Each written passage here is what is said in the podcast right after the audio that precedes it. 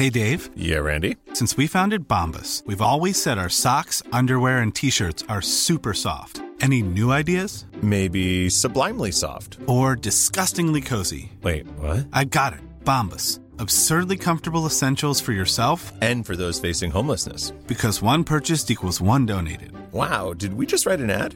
Yes. Bombas. Big comfort for everyone. Go to bombas.com slash ACAST and use code ACAST for 20% off your first purchase. Hey, I'm Ryan Reynolds. Recently, I asked Mint Mobile's legal team if big wireless companies are allowed to raise prices due to inflation. They said yes. And then when I asked if raising prices technically violates those onerous two year contracts, they said, What the f are you talking about, you insane Hollywood ass? F- So to recap, we're cutting the price of Mint Unlimited from $30 a month to just $15 a month. Give it a try at mintmobile.com slash switch. $45 upfront for three months plus taxes and fees. Promo rate for new customers for limited time. Unlimited more than 40 gigabytes per month. Slows. Full terms at mintmobile.com. Quality sleep is essential. That's why the Sleep Number Smart Bed is designed for your ever evolving sleep needs. Need a bed that's firmer or softer on either side? Helps you sleep at a comfortable temperature? Sleep Number Smart Beds let you individualize your comfort so you sleep better together. JD Power ranks Sleep Number number 1 in customer satisfaction with mattresses purchased in-store. And now, save 50% on the Sleep Number limited edition Smart Bed for a limited time. For JD Power 2023 award information, visit jdpower.com/awards. Only at a Sleep Number store or sleepnumber.com. I can discuss some of the psychological aspects of the case. You've got to get a hold of yourself. Now look here, Johnson, I'm going to get to the bottom of this. I can discuss some of the psychological aspects of the case. And you're really crazy, you know that? Oh, yes, I remember that. Is this any concern of yours? Stop, stop, stop it now. I mean it. Ja, hei, det er psykolog Sondre Livrød her. Diagnosen er dessverre svært alvorlig. Det viser seg at alt du tenker og føler er feil. Du må for all del ikke stole på hjernen din, den lyver. Alt du opplever er filtrert via nevroser fra ubevisste avkroker. Hvis du følger nøye med, er det en liten mulighet for at jeg kan hjelpe deg. I can discuss some of the I can discuss some of the I can discuss some of the psychological aspects of the case. Oh, I'm just losing my mind, that's all.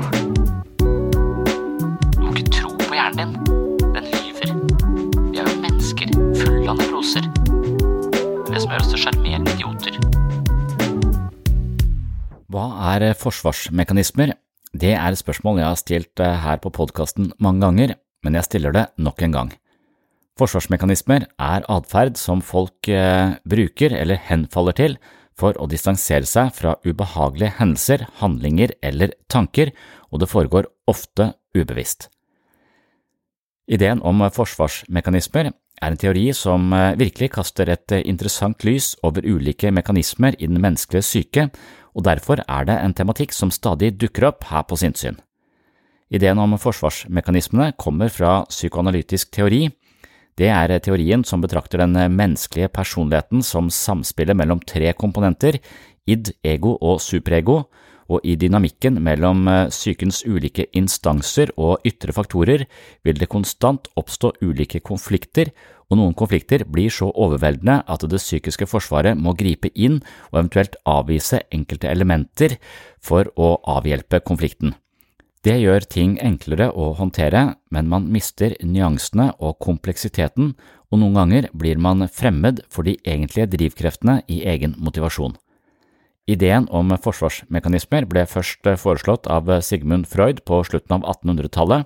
Ifølge disse teoriene er forsvarsmekanismer en naturlig del av psykologisk utvikling, men mange av disse mekanismene opererer altså ubevisst, det vil si at vi kan få en større innsikt i oss selv og andre mennesker dersom vi klarer å identifisere det psykiske forsvaret, og nettopp det er tema for dagens episode av Sinnsyn.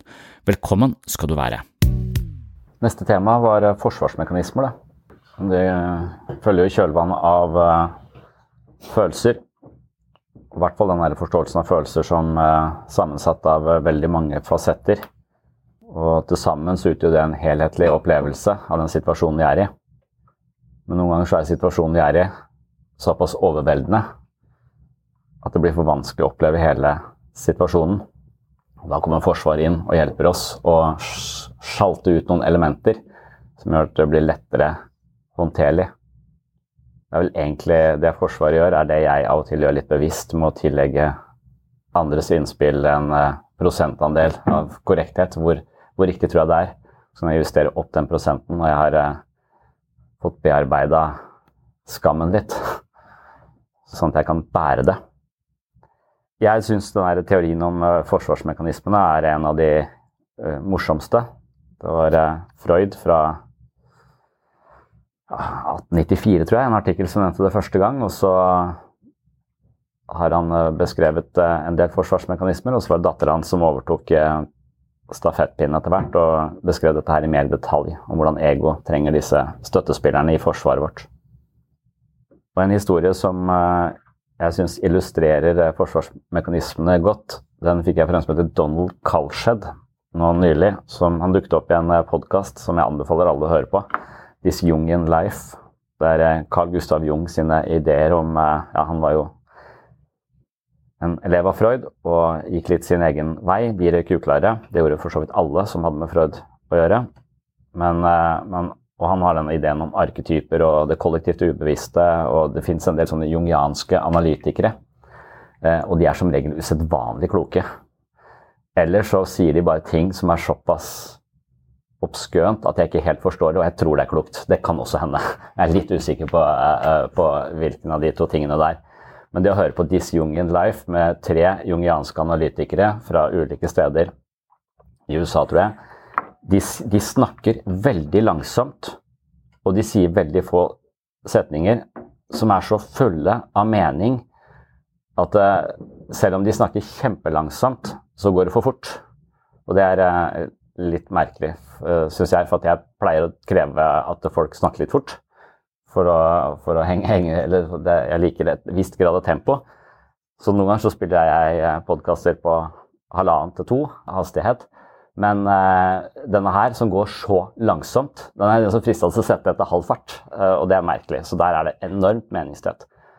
Men de hadde han uh, Donald Kalshed, som er en jungiansk analytiker, på besøk. Han forteller en historie som jeg syns var litt sånn interessant. Det er sånn, et godt oppspark til å forstå dette med forsvarsmekanismer. Og historien handler om en, en dame han hadde i behandling hun eh, var i 60-åra, kom inn for en sånn type vag depresjon. Med andre ord ikke rett til helsehjelp, så hun går privat. Vag depresjon, det er ikke det, det, er ikke, det vet ikke hvordan det er i USA, men det ville ikke vært det. Men så, så, det var liksom ikke noe sånn Hadde ikke noen voldsomme symptomer. da, Skårer ikke kjempehøyt på, på, symptomene. Vag depresjon. Eh, 60 år. Når han blir kjent med henne, så viser det seg at hun har vokst opp i et um, møblert hjem. Hatt uh, mye velstand, men kanskje en del sånn emosjonell fattigdom. Litt lite tilgjengelig sånn følelsesmessig, den familien hennes. Underveis i denne prosessen her så finner hun noen gamle VHS-kassetter som faren har filma. Og så ser hun uh, de, uh, de, filmene fra sin egen barndom, fra et sånt uh, hageselskap hvor hun flyr rundt som, som jente, og så, som liten jente. og og prøver egentlig å få oppmerksomhet fra de voksne. Men de står bare sånn med stettglass og, og, og nipper til hvitvin, liksom, og så nikker hun. Så, så, hun blir ikke tatt imot noe sted. Da. Så løper liksom fra det ene beinet til det andre og blir sånn mer eller mindre kronisk avvist. Og når hun ser denne filmen, så uh, får hun ikke sove. Hun blir veldig lei seg. Uh, sover ikke den natta. Og så sier han uh, Donald Colshed kan du ikke ta med den videoen så vi kan se den sammen? Så tar hun den med til han, og de ser den sammen. Og de ser denne jenta som hele tiden prøver å lande et sted, men alltid bare blir avvist. og liksom nesten som om Det er ikke noe bøyer, det er ikke et sted å lande i dette, i dette selskapet av voksne mennesker. Så til slutt så havner hun liksom litt utenfor hagen i en busk, hvor hun gråter litt sånn desperat og febrilsk og sparker litt. Hun er tydelig frustrert, på en måte. Usikkert hva den følelsen er, men en sånn kronisk følelse å bli avvist og, og bli en litt sånn Uh, og da ser man at hun får litt sånn Nei, nå må du roe deg ned, da. Så, så, hun får litt kjeft for den typen oppførsel uh, som var sånn litt utagerende, nesten. da. Hele, den der, det, hele det bildet der er jo litt sånn forferdelig i seg selv. Og jeg, jeg, jeg tenkte flere ting. Jeg tenkte ja, det er akkurat sånn jeg har det på et utested. jeg tør liksom ikke å prøve å snakke med folk jeg ikke kjenner. Og de folka jeg kjenner, de pleier bare å suse rundt. Og så, så ofte så står jeg helt aleine og så vet jeg ikke hva jeg skal gjøre. Da vaker jeg rundt uten egentlig å finne noe forankring. Og hvis jeg finner en forankring, så holder jeg fast på den hele kvelden. ikke gå fra meg. Eh, men det er flere som har det sånn, så det er ofte folk som, som tar imot det her sånn, heldigvis. Ellers så går jeg hjem. Og, så jeg har det i voksen alder også. Og så lurte jeg på om dette, en variant av dette også foregår i, eget, eh, i min egen stue. da, Når jeg sitter eh, og har det forholdet jeg har til min smarttelefon, og barna mine er jævlig maste. Og det er jo ikke det. De trenger bare å bli sett. Være, og hvis jeg hele tiden jeg skal bare si hele, så, så, føles det bare i situasjonen at de bare maser, at jeg, de må bare vente litt. Hvis jeg hadde satt opp et kamera, så tror jeg kanskje det hadde sett ut litt sånn som det her ser ut. da. At de, de prøver å lande og prøver å få, mens de blir eh, avvist. Jeg vet ikke hvor mye det skjer. For det er så mye spennende på den smarttelefonen, så jeg husker ikke. Så jeg er litt redd for at det ser sånn ut som, som dette her. da. Men uh, det tror jeg man kanskje ser hvis man hadde sett det via en eh, VHS. Veldig få som har VHS i dag, men, eh, men hvis jeg hadde sett det på over, For jeg overvåkningskamera, så kunne jeg sett det på det. Jeg kan se det på smarttelefonen mens jeg avviser barna mine via overvåkningskamera i stua. Har dere sett den der, den, det lille, mer sånn spedbarnet som driver og er eh, i samspill med moren, og så, og så sitter de og leker, og liksom, du ser de tonene der inne, og så får moren beskjed om å være sånn stillface, og at du bare uh, mister helt mimikk og bare stirrer rett, rett framfor seg. Hvor kort tid det tar før det barnet blir totalt desperat. Og det, det er liksom 30 sekunder, men det er faen så hjerteskjærende at det er nesten umulig å se på. Så, så, det er et eller annet ja, så det, er helt tydelig at dette her har vært toneangivende for hennes oppvekst da, ikke blir tatt imot. Og det som skjer når eh, hun ser den filmen sammen med han eh, terapeuten, er at eh, terapeuten blir, begynner å gråte, og det gjør hun også. Så begge to blir veldig berørt av den uh, situasjonen.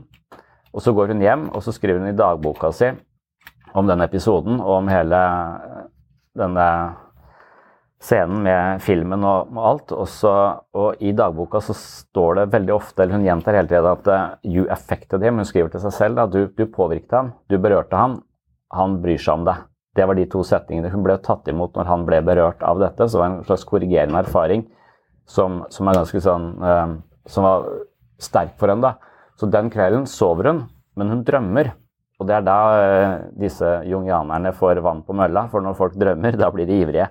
Og den drømmen, den eh, var også sånn Hun, hun drømmer om to kvinner eh, som er søstre, som er skilt eh, i barndommen, separert fra hverandre, men så nå skal de gjenforenes i voksen alder. Og den gjenforeningen den skulle foregå på toppen av en trapp. Og på toppen av trappa så venta den ene søstera. Hun var kledd i rødt, så hun sto og venta, var ivrig, gleda seg og veldig spent på å møte søsteren, som hun ikke hadde sett på mange, mange, mange år. Og den andre søsteren, hun var eh, kledd i grønt, og hun kom nedenfra og skulle opp trappa for å møte søsteren på, på toppen. Og når hun er på vei, så kommer hun omtrent midt i trappa, eh, men da kommer det en mann frem bak et eh, forheng med skytevåpen, og han skyter henne midt i trynet. Sånn at hun faller bakover i trappa, blodet renner, og så faller hun ned eh, trappa. og Så beskriver hun som rødt-grønt, rødt-grønt, rødt-grønt. Hun detter ned trappa. Hun er kledd i grønt, men hun er full av blod. Så det er rødt-grønt som faller ned eh, trappa. Hun som er kledd i rødt, som står på toppen, hun kikker ned i trappa over gelenderet og ser det som foregår. Men hun blir så overvelda av det at hun kaster opp ned i trappa oppå søstera. Drømmen slutter. Så det er spørsmålet hva, hva sier dette om, um, om, forsvarsmekanismer? Og det er der disse jungianske analytikerne kommer inn med sin uh, analytiske ekspertise. Og han bruker denne drømmen som et eksempel på at den tradisjonelle jungianske psykologien ikke helt kan forklare dette her. For en idé i uh, psykoanalysen er at uh, Psyken vår er full av elementer som ofte er i en viss konflikt, men det er en drivkraft i oss, og gjerne i drømmen, å løse de konfliktene eller forene disse motsatsene på en eller annen måte. Så det er en, eh, det er en slags motivasjon mot integrering. Men denne arketypen som han kaller det, Men in Black, visstnok en arketype altså, Eller veldig ofte så dukker det opp i menneskesinnet menn kledd i sort med skytevåpen. Og Men in Black er jo den filmen med Bill Smith hvor han er sånn spesialagent for å beskytte verden mot aliens, tror jeg. Så vidt jeg kan huske, men det er lenge siden jeg har sett. Men det er et eller annet eh, litt uavklart med disse Men in Black, for du vet ikke helt hvem de jobber for. hva slags, eh, om de er, er de på den gode eller den onde siden. Det er liksom kanskje litt uklart. Og det er det her også. Så, så han mener at denne eh, mannen som kommer ut og dreper denne ene søsteren i, i drømmen, han kaller det en slags antilivskraft. For uh, han ser på denne jenta i grønt som barnet, det lekne barnet. Han kaller det av og til 'personal spirit'.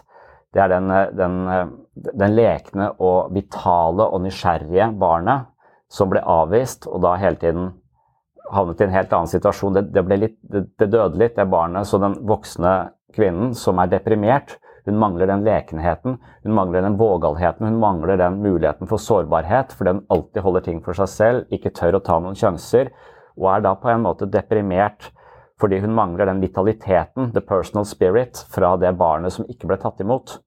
Og drømmen legger opp til en slags forening hvor hun kan finne tilbake til dette barnet fordi det ble akseptert av denne terapeuten og henne selv. Så, så, så det var en mulighet for forening igjen, hvor, hvor det kanskje hadde vært veldig antidepressivt. Men så er det krefter i henne som hindrer den uh, foreningen.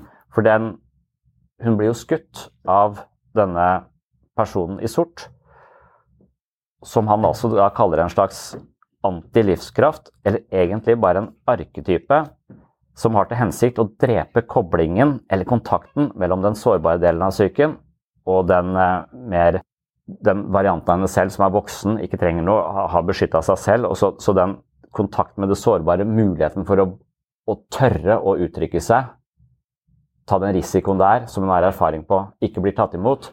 Også, den, den, sårbarheten der, sånn, det å forene det, det vil eh, Men in Black ha som misjon å hindre. Så de skyter De dreper koblingen mellom det sårbare og, og, og denne dama, kan man si, da, eller den sårbare delen av psyken, får ikke lov til å komme Blir ikke tilgjengelig. Det er både òg, for det er jo en, egentlig en kraft da, som opprettholder eh, denne avstanden, og som også opprettholder depresjonen. Men den er ikke i seg selv. Det er et slags selvivaretagende system hvor det er en type voldelig energi da, som struper alle tilløp til sårbarhet.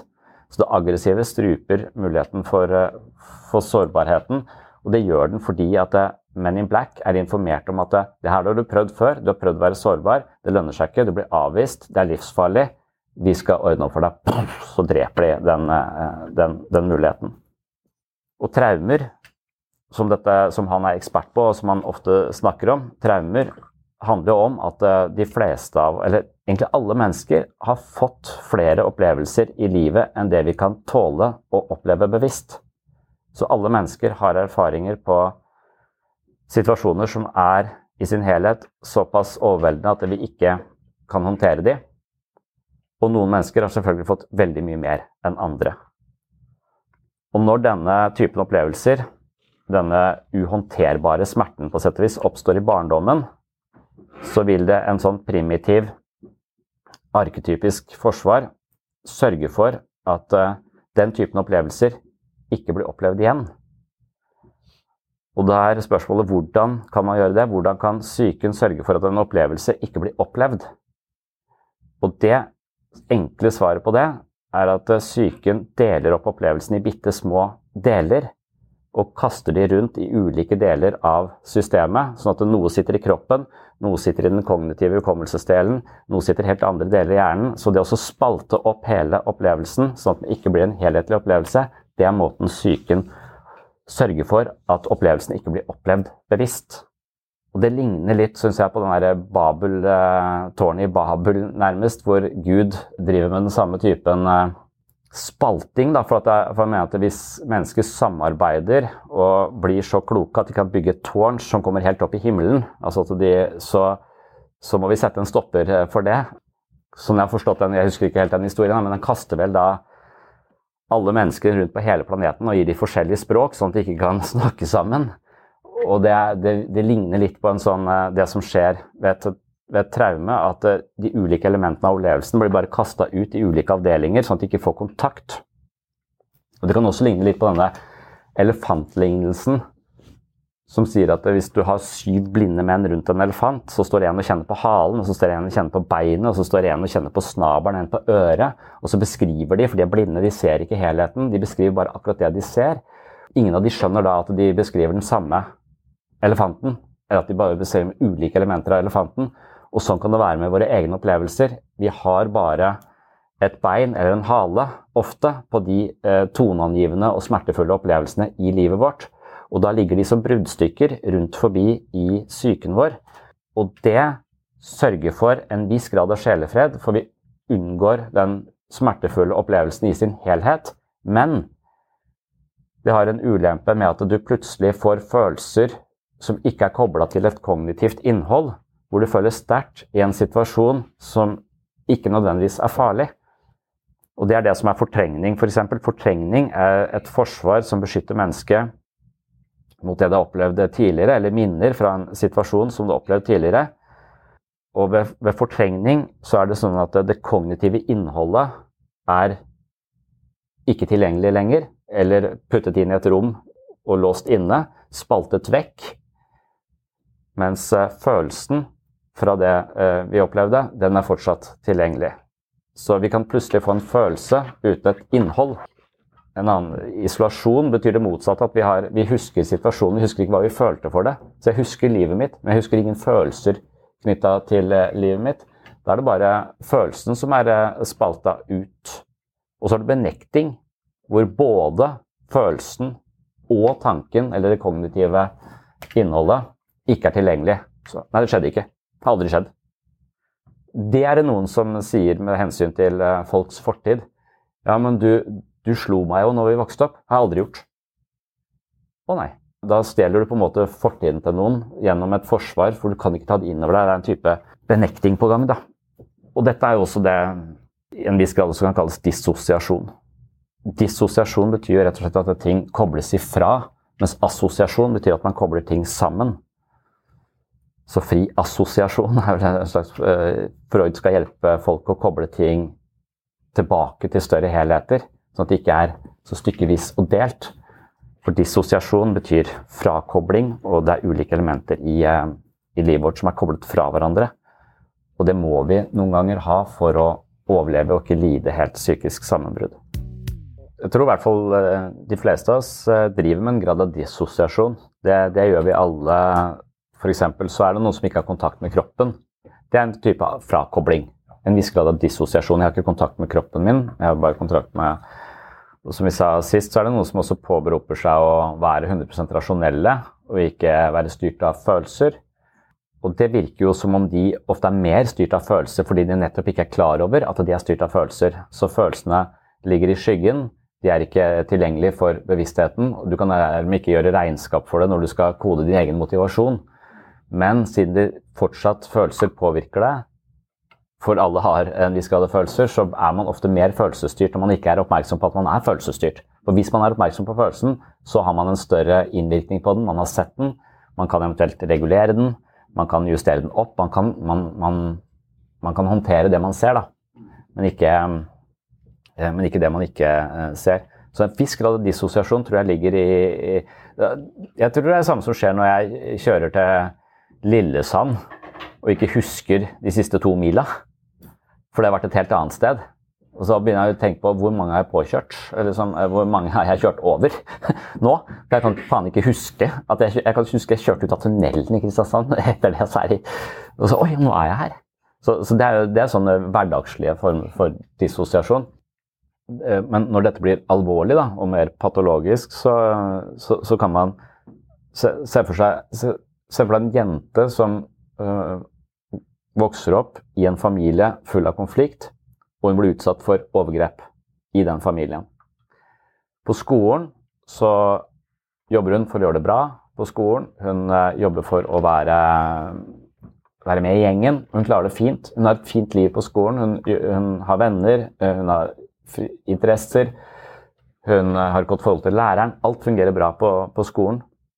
Mens hjemme er en helt annen virkelighet, og de to virkelighetene er så forskjellige at de lar seg nærmest ikke forene sånn rent i utgangspunktet, men de kan heller ikke forenes fordi at det, den smerten som er hjemme, hvis den skal kobles inn i hennes hverdag på skolen, så går det ikke an å være på skolen heller. Så det, må, så det som skjer hjemme, må være ikke meg, og det som er på skolen, er meg. Det, det, skapes en glemsel mellom det som foregår hjemme, når hun er på skolen. Og, der, og det er jo en type dissosiasjon, det er en type spalting av, ty, av eh, et aspekt ved, ved, livet. Og det kan fungere egentlig ganske bra. Hun kan, hun kan fungere veldig godt på skolen. Faren er at når du bygger en så stor vegg mellom ulike elementer i psyken og i livet ditt, er at den veggen av og til kommer til å slå sprekker, kanskje. Og da vil noe av det som skjer hjemme, sive inn i den øh, freda virkeligheten, på sett og vis. Den, den gode virkeligheten. Og da vil du eventuelt bli tatt på senga, eller du vil bli overvelda av en følelse du ikke forstår.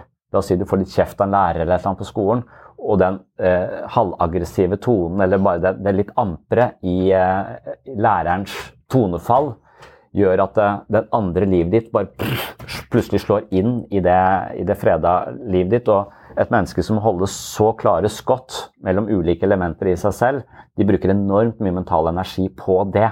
Å holde det fra hverandre. Og det er jo eh, dissosiasjon, og da må man ofte liste seg litt rundt i livet, for man er redd for at ulike elementer plutselig skal dukke opp. Og noen ganger så føler man masse som man ikke, ikke forstår. Og noen ganger så får man tanker som er, virker helt ville. Som vi snakket om her, eh, her for litt siden, var noen som nevnte å stikke en gaffel i øyet på seg selv, som jeg beit meg merke i. Det er en rar eh, idé. Så så, hvis den plutselig bare dukker opp, liksom, eh, eh, så, så, tenker jeg det er et bruddstykke av en type erfaring som kanskje hører til en drøm, men som sannsynligvis har veldig mange andre lag som hadde gjort helheten litt annerledes hvis vi hadde sett hele. Og, og det tenker jeg vi alle har. Den typen eh, erfaringer og opplevelser som vi, Det er derfor jeg sier alt du tenker og føler er feil. Det er egentlig ikke det. Det er bare alt du tenker og føler ikke, er ikke nødvendigvis en helhet. For de fleste av oss vi har ikke mental kapasitet til å se hele bildet. Men psykoterapi er jo integrering, sånn at vi skal slippe å drive med disse ulike bokholderiene, og at vi, skal, at vi skal kjenne oss selv. Så jeg vet hvorfor jeg tenker på å stikke en gaffel i øyet på meg sjøl. Jeg, jeg, jeg skal skjønne hvorfor det skjer. For Hvis det plutselig bare skjer, så for faen meg, altså, da er man liksom ikke hjemme hos seg sjøl. Da, da, kjenner man ikke seg selv, med mindre man forstår litt av hvor de, eh, hvor de tendensene kommer fra. da. Jeg er også interessert i skal vi, Det snakket vi så vidt om sist. og skal vi, Er det et, er det et uh, mål å føle alt? Og så tenkte jeg kanskje ja, på sett og vis så er det vel egentlig det i, den forstand at det Men det er litt sånn at målet i vektløfting er jo å løfte litt tyngre og tyngre, eller bli sterkere og sterkere. Hvis du er en mosjonist, så skal du bare holde det på et uh, jevnt nivå. Så jeg tenker jeg er kanskje en følelsesmessig mosjonist. Jeg skal bare ikke bli veldig mye svakere, men jeg skal heller sånn voldsomt ambisjoner å bli så innmari mye bedre, kanskje på noen, på noen områder. Men jeg tror kanskje misforståelsen her er at uh, hver gang vi føler sterkt, så virker det uhensiktsmessig for oss fordi vi blir lei oss, vi blir deprimerte. Vi opplever at konsekvensen av eh, kontakt med følelsen er negativ. Men så er jeg ikke helt sikker på om, uh, om det er sant, da. i hvert fall i forhold til det vi snakket om med edderkoppfobi sist. At det å uttrykke følelsen, gi den et språk, gjør den mindre sterk. Så når uh, folk med edderkoppfobi får lov til å uttrykke alt de føler, i situasjonen med edderkopper, så vil de bli mye tøffere. Mens folk som prøver å uh, holde følelsene i sjakk og nei, det går sikkert fint, og, og sånn, de, de, kommer seg ikke så langt inn i det rommet med edderkopper i det hele tatt. Så, så, det kan være vi har en viss grad av uh, misforståelse rundt dette, at vi tror at det å navngi følelsen eller snakke om følelsen gjør den større og verre. Og kanskje det er sant i noen tilfeller. For, for jeg, tenker at teorien sier at nei, det er ikke sant. Det er, det er sant at det uttrykte følelser reduseres i styrke og blir lettere å håndtere. Troll, sett navn på trollet, type ting. Men når det kommer til det der med døden og sånn og dattera mi, så føler jeg bare Ikke snakk så jævlig mye om det. Jeg ikke, vi ikke den filmen med hun, for da kommer han sikkert til å tenke så, Da driver jeg også og lister meg litt rundt. Fordi jeg føler at den, den dødsangsten veier 250 kilo, og ingen av oss er kapable til å løfte mer enn 40. Så, så den får vi ta når eventuelt når du Når jeg er 90, da, og du er 50, kan jeg kanskje si. La det, vi, eller, eller så får vi trene litt, da. Underveis. Trene, trene, men ikke ta på seg for mye, for da Men på et mildere nivå så virker det som om, som hensyn til følelsen eller egentlig bare hensyn til alle elementene i en opplevelse, sånn at den blir hel, sånn at du ser hele elefanten, er hensiktsmessig. Og jo mer du ser av elefanten, jo mer komplekst blir livet ditt, og jo mer komplekst blir enhver opplevelse også. Og det er jo litt slitsomt, det òg. Og Det er derfor vi sånn på samfunnsnivå ikke ønsker å se hele elefanten. Vi ønsker én forklaring på hvorfor jeg er syk. Kan du gi meg én forklaring og én medisin, så er jeg ferdig med det? Og så, Ja, det kan jeg hvis du vil bare ha øre, liksom. Da kan vi kalle dette her for en eller annen nevrologisk utviklingsforstyrrelse, så kan du få amfetamin. Og så er vi ferdig snakka. Og så vet vi at det kan være, det kan være øret, men denne elefanten som er problemet ditt, den har en snabel, og den har både to og fire bein. Sånn at eh, det, det vil være litt lite ambisiøst å gå for en enkel forklaring på et komplisert problem. Men med en gang problemet kompliseres, så kreves det så jævla mye mer av oss. Og jeg tror det er litt sant at jo mer komplekst ting er, og vi klarer å håndtere det, jo større er gevinsten. Så mulighetene for mye mening, stor innsikt, er ganske stor når ting blir komplekst, men det blir også jævlig mye mer slitsomt og, og risikabelt. Det koster mer.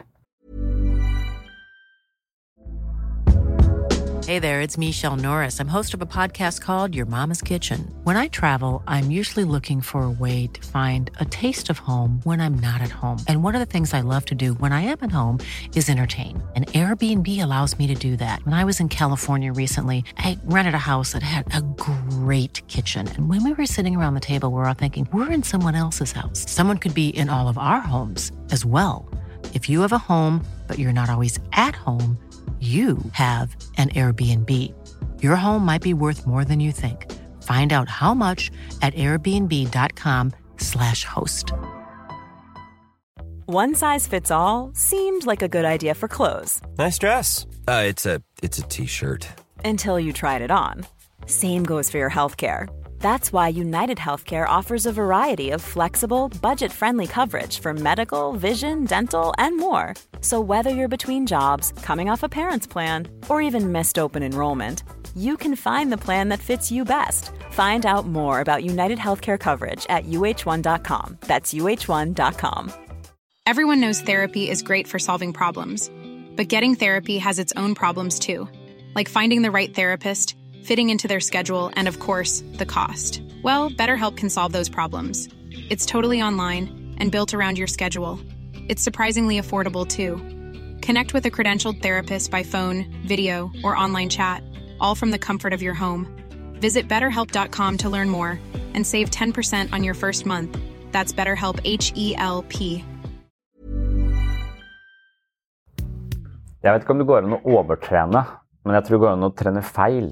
Når du sier det på den måten, så høres det for meg ut som om man egentlig, i kraft av forståelse, genererer flere problemer for seg selv. Og at det er et, uh, egentlig et stort problem i vårt samfunn da, med overdiagnostisering både innen somatikk og psykisk helse. For det viser seg at det er ingen av oss som er friske lenger. Så da er jo cutoffen for hva det vil si, og hva vi utreder. og hva vi, Så vi driver og behandler folk for tilstander som har som de ikke hadde egentlig trengt behandling for, nødvendigvis. Og så får de masse bivirkninger av behandlingen. Det hørte jeg, det er akkurat en ny bok som er skrevet om det. og er interessant, Jeg kan ikke gjøre rede for det ennå, men jeg skal lese den boka, for det, det, interesserer meg veldig. Og jeg tror det er litt sånn med psykisk helse også, at det lurer seg inn noen standarder, noen ideer om hva det vil si å være et menneske osv. Og, så og det ligger kanskje i det narrative selve. Eh, og det er den koblingen mellom, mellom historien jeg har om meg selv, og det opplevde selve, som Kahneman sier er et kjempeproblem. fordi han sier de kan ikke møtes. Fordi at historien, altså historiefortellende selve, det er ikke nødvendigvis i kontakt med opplevelsesselve, som er det jeg opplever akkurat her og nå. Og det er ikke sikkert jeg er i kontakt med meg selv engang akkurat her og nå. Så når vi hører folk snakke om ting som betyr mye for dem, men de ikke er i kontakt med følelsen, så er det bare det narrative selve som gjentar en historie. Dette er historien om meg, uten at opplevelsesselvet er koblet på. Og da blir det litt gjesp, selv om den historien er tåredryppende. Og noen ganger så har man bare teoretiske forklaringer på hvordan jeg er, som man har lest i en bok, men som man har aldri egentlig konferert med opplevelsesselvet.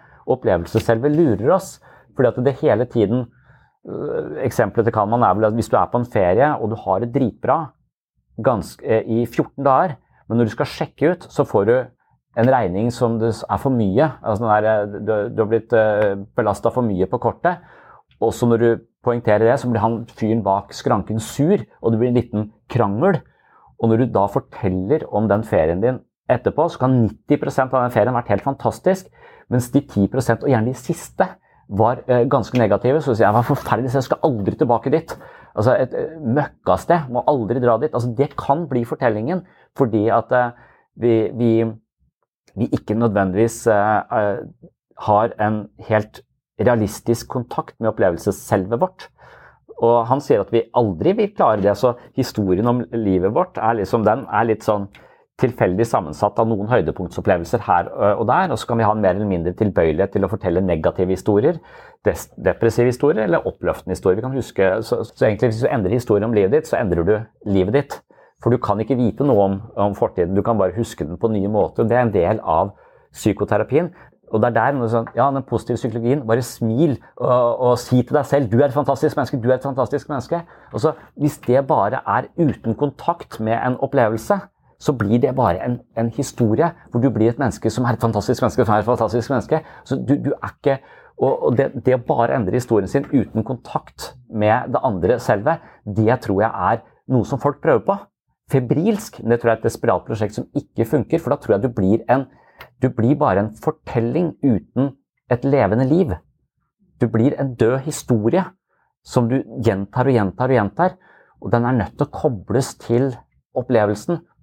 Men når vi kommer ned i opplevelsen, så er det så mange der tror jeg det er der følelsene våre ligger. Og da er det så mange forsvarsmekanismer som hindrer oss i å ha kontakt med de oppriktige følelsene.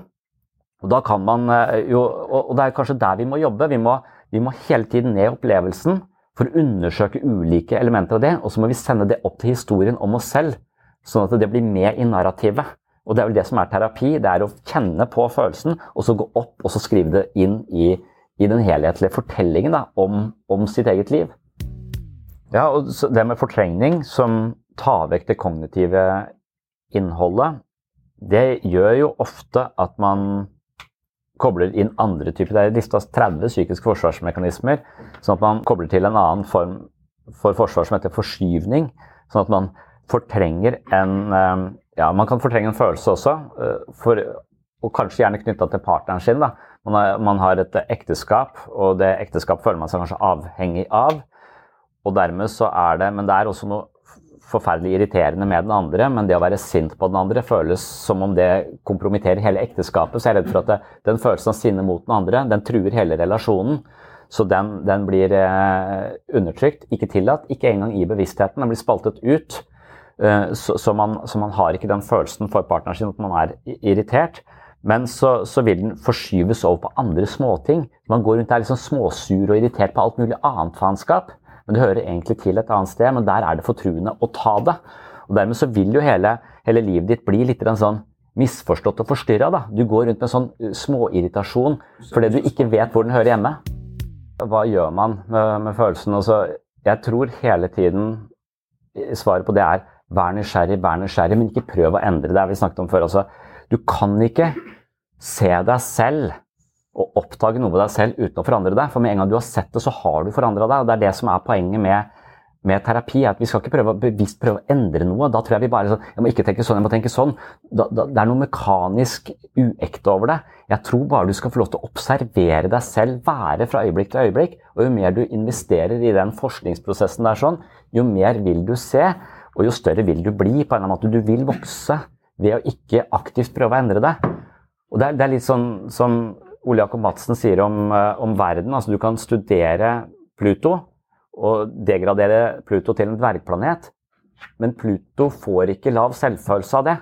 Pluto vil ikke begynne å gå saktere i bane, f.eks. Bare fordi at nå er jeg blitt dverg. Altså, jeg er jævlig Dverg er det i det hele tatt, er ikke det litt sånn fordoms... Har vi lov til å si det? Må ikke se kortvokst. Altså, men det blir litt rart når du er rund. ikke sant? Så det er mange, mange ideer rundt det. Men, men Pluto bryr seg ikke. Pluto er fortsatt Pluto, uavhengig av hva vi kaller Pluto. Men hvis eh, vi forsker på et menneske og kaller et menneske noe, f.eks. generasjon prestasjon, så endrer vi det mennesket vi kaller generasjon prestasjon. Det vil bli en merkelapp som uansett vil påvirke det mennesket. Du kan ikke oppleve et annet menneske og gi uttrykk for det uten å endre det. Og Sånn er det litt med oss selv også. Jeg tror det er prosessen. Så hva skal vi gjøre? Vi skal være nysgjerrig og legge merke til hele tiden. Og du kan jo f.eks. tenke at de, ubevisst, de følelsene som er undertrykt, de vil ofte sive igjennom. Og da f.eks. i Freudian slips.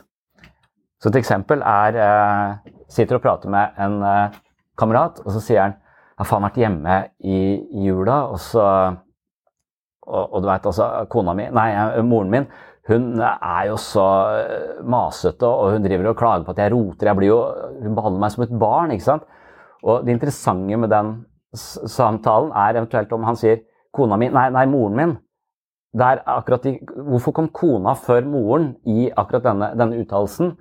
Når jeg sier sånne ting, så tenker jeg det er interessant, for det har Freud lært meg at det er et slags Der har en, en følelse jeg ikke tåler.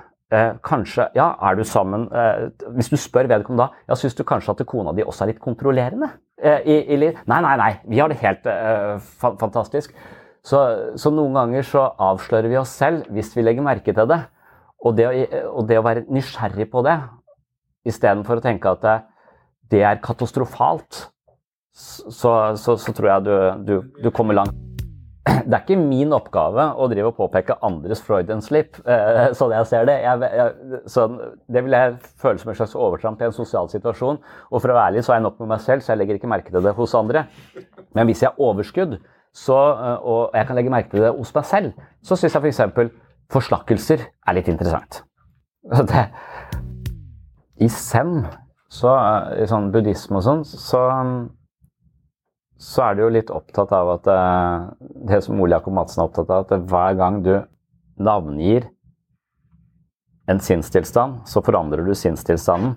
Og dermed så vil den alltid bli forenkla og modifisert av forklaringen din. Sånn at når jeg sier 'jeg er sint i en situasjon', og det er feil å være sint i den situasjonen, så har du allerede dømt den så mange ganger som en følelse som ikke er feil. Så, så, så hele nysgjerrigheten har forsvunnet i konklusjonen. Så, så, for meg så er det kanskje det der å, å jobbe med sitt eget språkbruk, nærmest. da. For, for en ting er at det, hvis jeg bare kjenner etter uten å gi det et navn eller forstå det, så vet ikke jeg helt hva det er, faktisk. Jeg tror det er det som er problemet mitt. Jeg, jeg, det er samme som jeg har med kroppen min. altså Kjenn leggen din. Ja, da må jeg jo stramme muskelen i leggen. For jeg kjenner ikke leggen hvis ikke leggen er i kontakt med buksa eller stolbeinet, eller at jeg lager en bevegelse. Jeg er litt usikker på om jeg kjenner Kanskje jeg gjør det, jeg veit ikke. Men, men, men det, er, det, blir litt sånn diffust for meg. Det samme med sinnstilstander. så at man, man kan prøve å kjenne etter. Også, også for meg så må jeg gi det et språk. Jeg må forstå det. Men det er derfor setningen hele tiden er alt jeg tenker og føler er feil. alt jeg tenker og føler er feil, For jeg konkluderer ikke med at det er riktig. Jeg registrerer at jeg er sint, og jeg registrerer at situasjonen nå ikke nødvendigvis skulle borge for den typen sinne jeg har ak akkurat nå.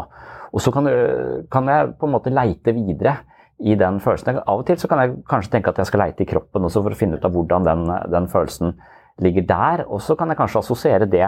Så da begynner assosiasjonene, som er det, det motsatte av dissosiasjon. Jeg begynner å assosiere rundt min nåværende sinnstilstand. Jeg tenker det er det som er det vi gjør i terapi også. Vi assosierer rundt ulike elementer for å se om vi kan eh, åpne dører til andre deler av den opplevelsen som hører til her, men som nå plutselig egentlig hører til en fortid, men som har dukket opp i nåtiden. Så fortiden vår lever jo hele tiden i, i nåtiden.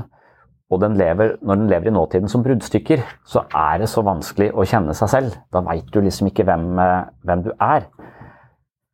Så jeg vil bare være forsiktig med, med, språket. Jeg er nødt til å sette ord på det. Men i det jeg setter ord på det, så har jeg en sånn grunntone at det, ja, jeg mener ikke at dette er en helhetlig forklaring. Dette er øret. Er det noen som har sett noe annet ved meg, som kan uh, fortelle meg noe om halen? På, på elefanten. For noen ganger så ser jo andre mine følelser tydeligere enn jeg ser dem selv. Eller de legger merke til at jeg ikke er i kontakt med følelsen, når jeg tror jeg er i kontakt med følelsen, f.eks. Ja, en typisk eksempel altså at man er uh, irritabel og det er, jeg, jeg, kan måle det på graden av vondt i ryggen, jeg kan måle det på graden av irritasjon. Men når jeg er irritert på barna på en måte som jeg ikke alltid pleier å være irritert på barna, så, så begynner jeg å assosiere eh, til langt utenfor det soverommet. For jeg tenker ikke at det har så mye nødvendigvis med det soverommet Det kommer til uttrykk her på dette soverommet akkurat nå i en irritasjon, men, men hva er det da, da, begynner jeg å lappe sammen en større eh, lappe sammen en større eh, forståelse av den, av den typen opplevelse i den situasjonen. Den, så eh, hver gang du reagerer på en eller annen måte litt eh, off i en situasjon, så er det interessant. Det er ikke feil, det er interessant. Og jeg tror også hvis du prøver å skjule det, at det er der vi får denne dobbeltkommunikasjonen, så, så det er nok bedre å anerkjenne ja, vet du I dag er pappa bare irritert. Jeg beklager, jeg skjønner at du gleder deg, men jeg, jeg tror eh, mamma må ta dette her, for at det, det koker. Sorry. Altså at jeg, at jeg tilkjennegir følelsen på en sånn måte at, jeg, at han ikke bare kjenner den i magen, da, som vi snakket om sist, denne dobbeltkommunikasjonen. Psyken håndterer overveldende opplevelser ved å spalte opp opplevelsen sånn at den ikke opplever helheten, og plassere den i ulike deler ulike avdelinger i egen syke, sånn at de ikke kommuniserer sammen. Akkurat som Gud gjorde eh, når han plasserte mennesker utover hele planeten og ga dem forskjellige språk. Da klarer de ikke å samarbeide, de kan ikke forstå hverandre. Selve ideen er jo da at ja, da blir det jævlig mye krangling mellom disse ulike elementene og konflikter osv. Og, og det er jo det som er i psyken vår. Den er full av konflikter.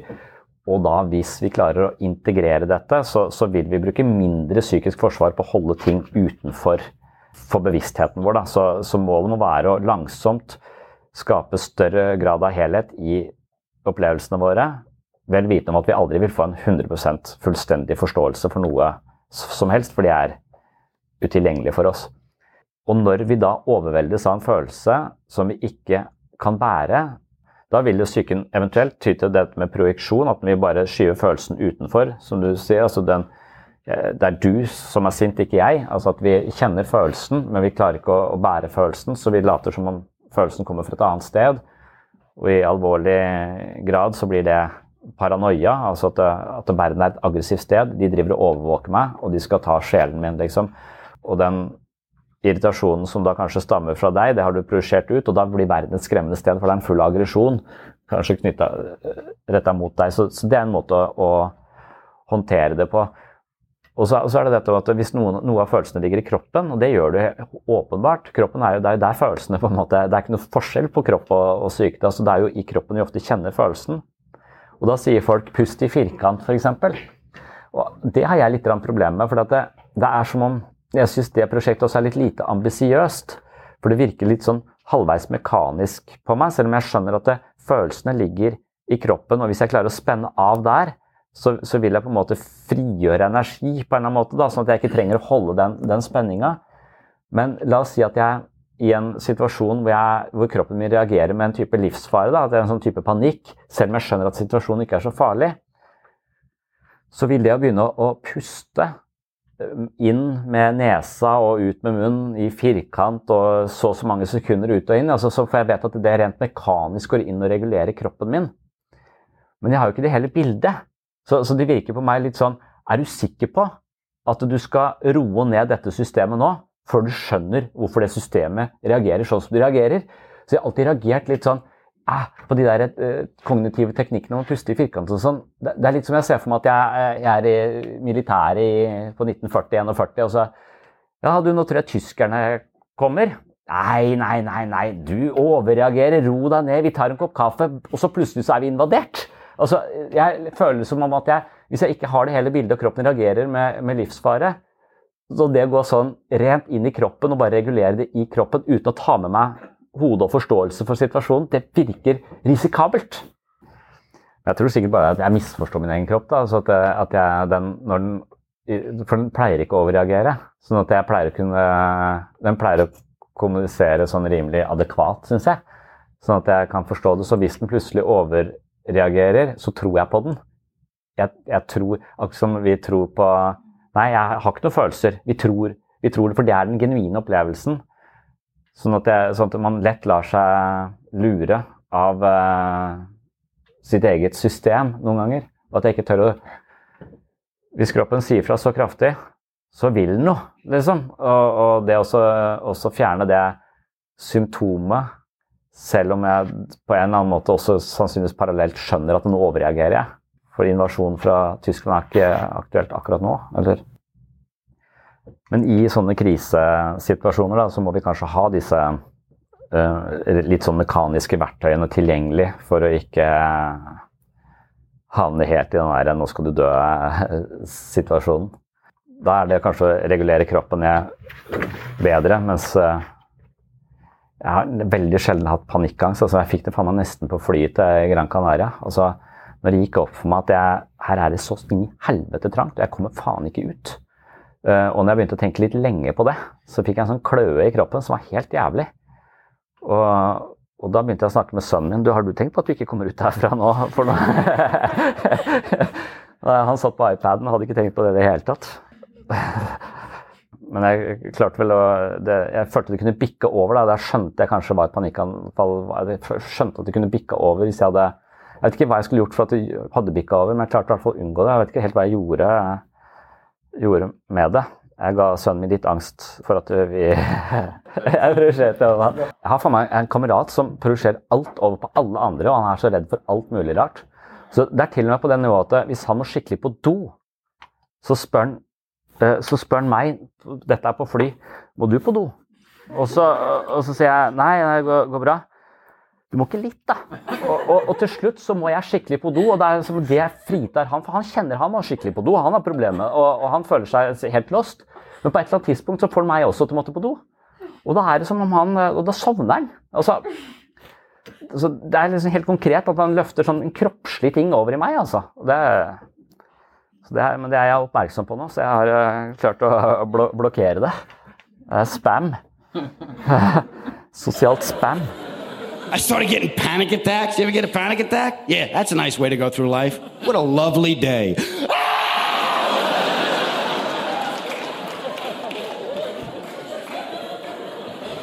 And the only way you get rid of a panic attack is you have to talk about it. yeah, I'm gonna call up my friends. Hey, Philly, I think I'm getting panic attacks. really? You ever think you're a pussy? Did you ever think of that? I mean, I'm no doctor, but you could be a pussy, is what I'm saying. Well, it sounds like acute pussy syndrome to me, sweetheart. Check your urine. Is it pink?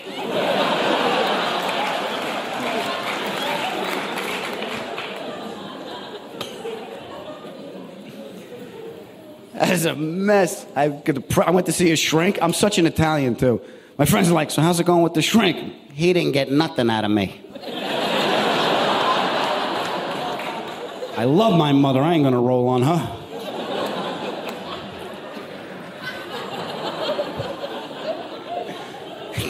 They put me on Zoloft. That's fun. Your mouth dries up, you start shaking. This is much better.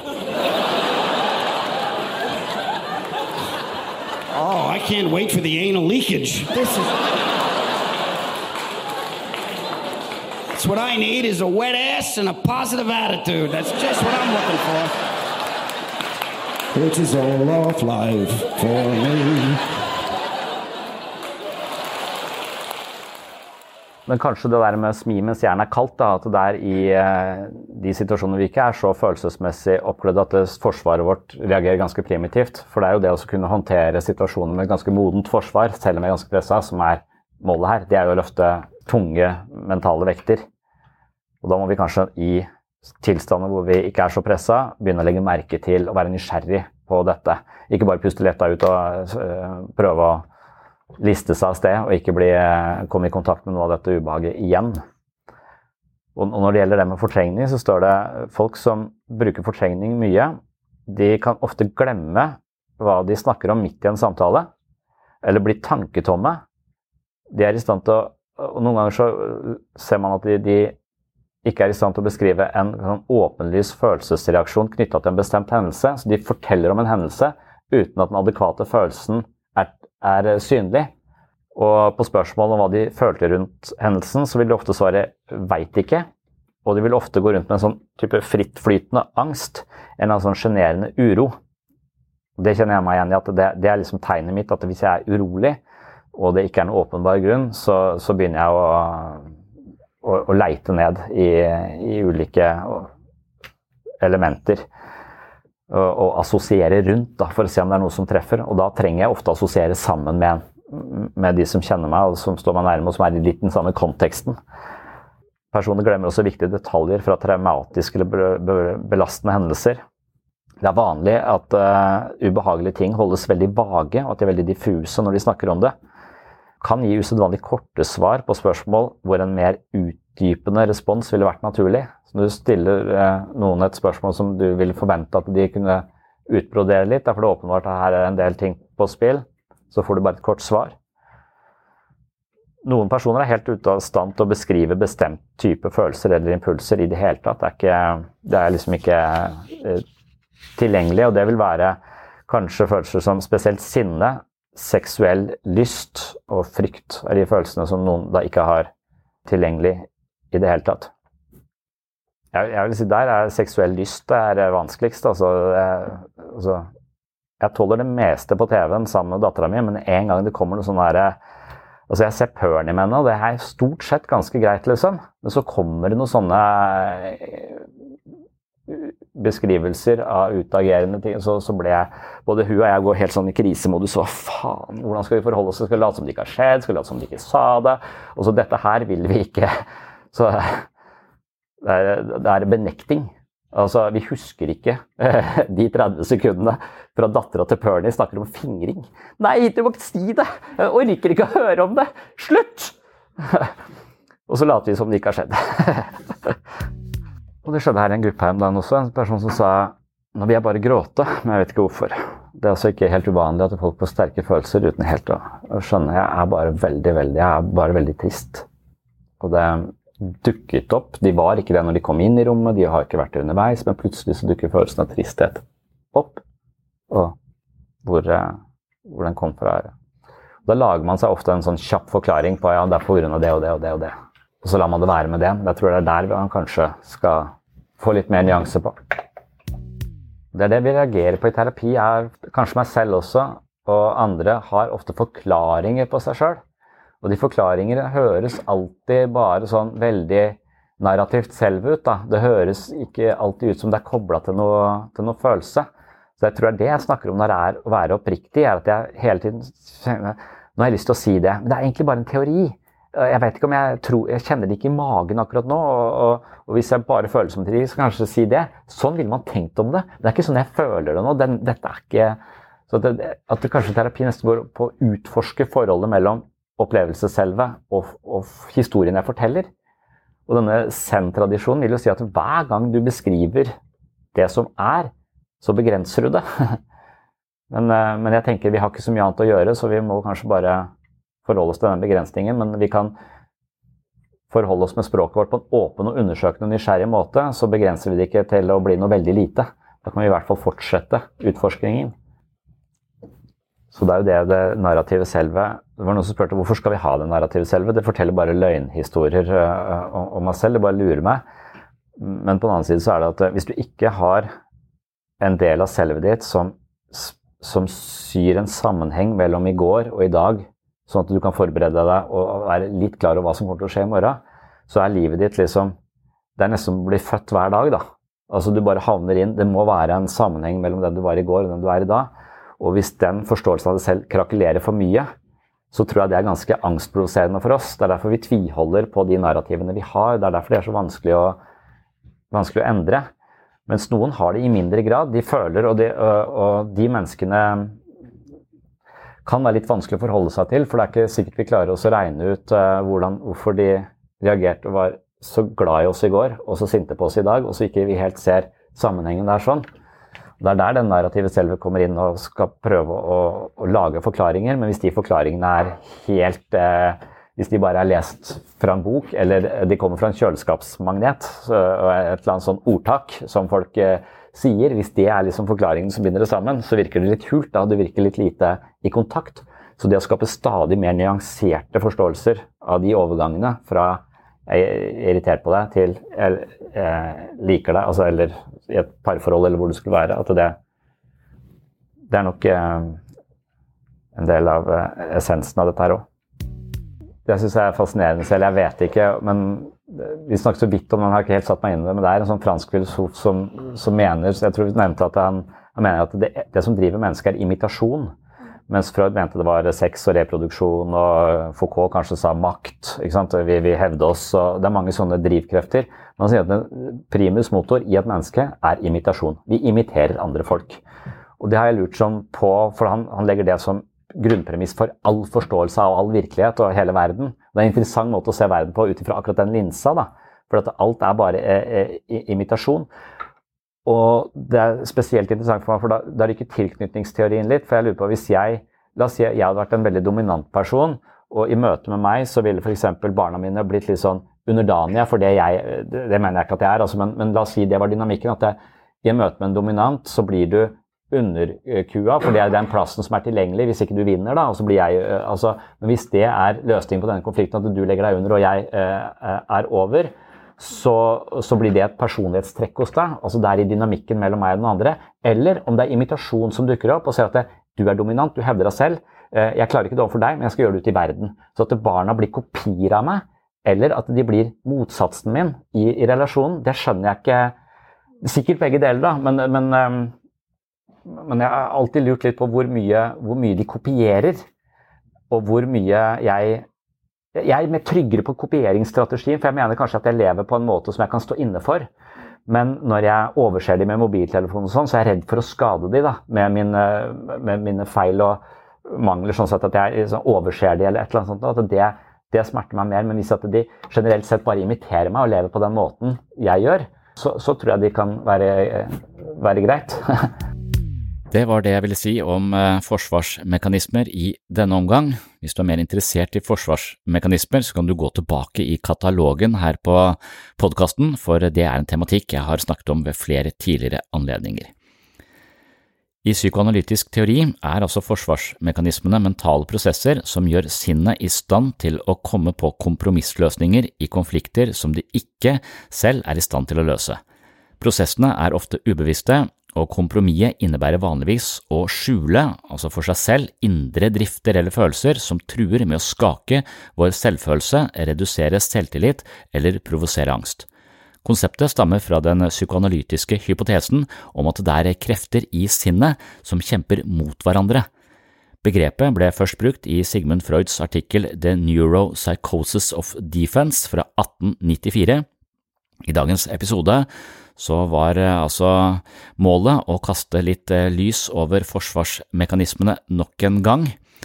Og denne episoden her, den fulgte da i kjølvannet av tidligere episoder om følelser, for det er jo dette med å håndtere følelser på en så oppriktig og nær måte som mulig, som gjør at vi virkelig kan bruke følelsene som et slags kompass i livet.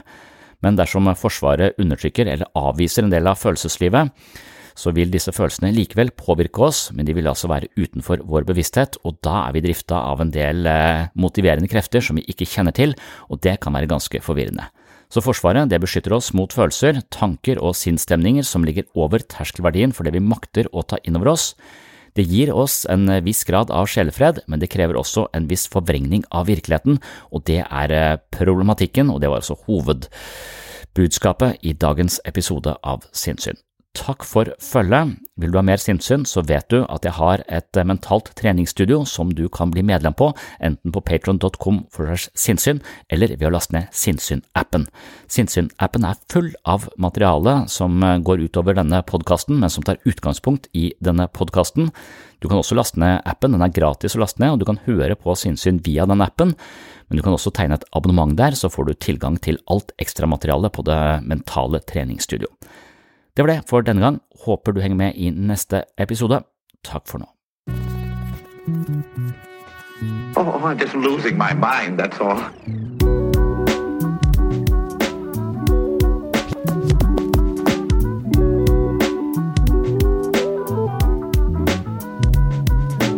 I can discuss some of the I can discuss some of the I can discuss some of the psychological aspects of the case.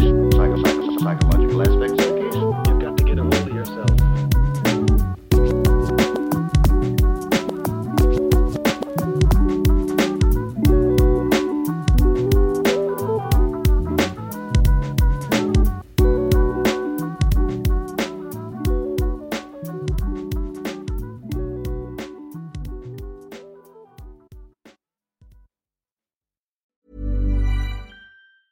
Planning for your next trip?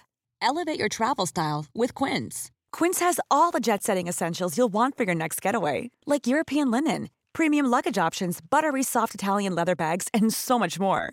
And is all priced at 50 to 80% less than similar brands. Plus, Quince only works with factories that use safe and ethical manufacturing practices. Pack your bags with high-quality essentials you'll be wearing for vacations to come with Quince. Go to quince.com/pack for free shipping and 365-day returns. Mom deserves the best, and there's no better place to shop for Mother's Day than Whole Foods Market. They're your destination for unbeatable savings, from premium gifts to show-stopping flowers and irresistible desserts. Start by saving 33% with Prime on all body care and candles. Then get a 15-stem bunch of tulips for just $9.99 each with Prime. Round out Mom's menu with festive rosé, irresistible berry chantilly cake, and more special treats. Come celebrate Mother's Day at Whole Foods Market. Imagine the softest sheets you've ever felt. Now imagine them getting even softer over time. That's what you'll feel with Bowl and Branch's organic cotton sheets. In a recent customer survey, 96% replied that Bowl and Branch sheets get softer with every wash. Start getting your best night's sleep in these sheets that get softer and softer for years to come. Try their sheets with a 30-night guarantee. Plus, get 15% off your first order at bowlandbranch.com. Code BUTTERY. Exclusions apply. See site for details.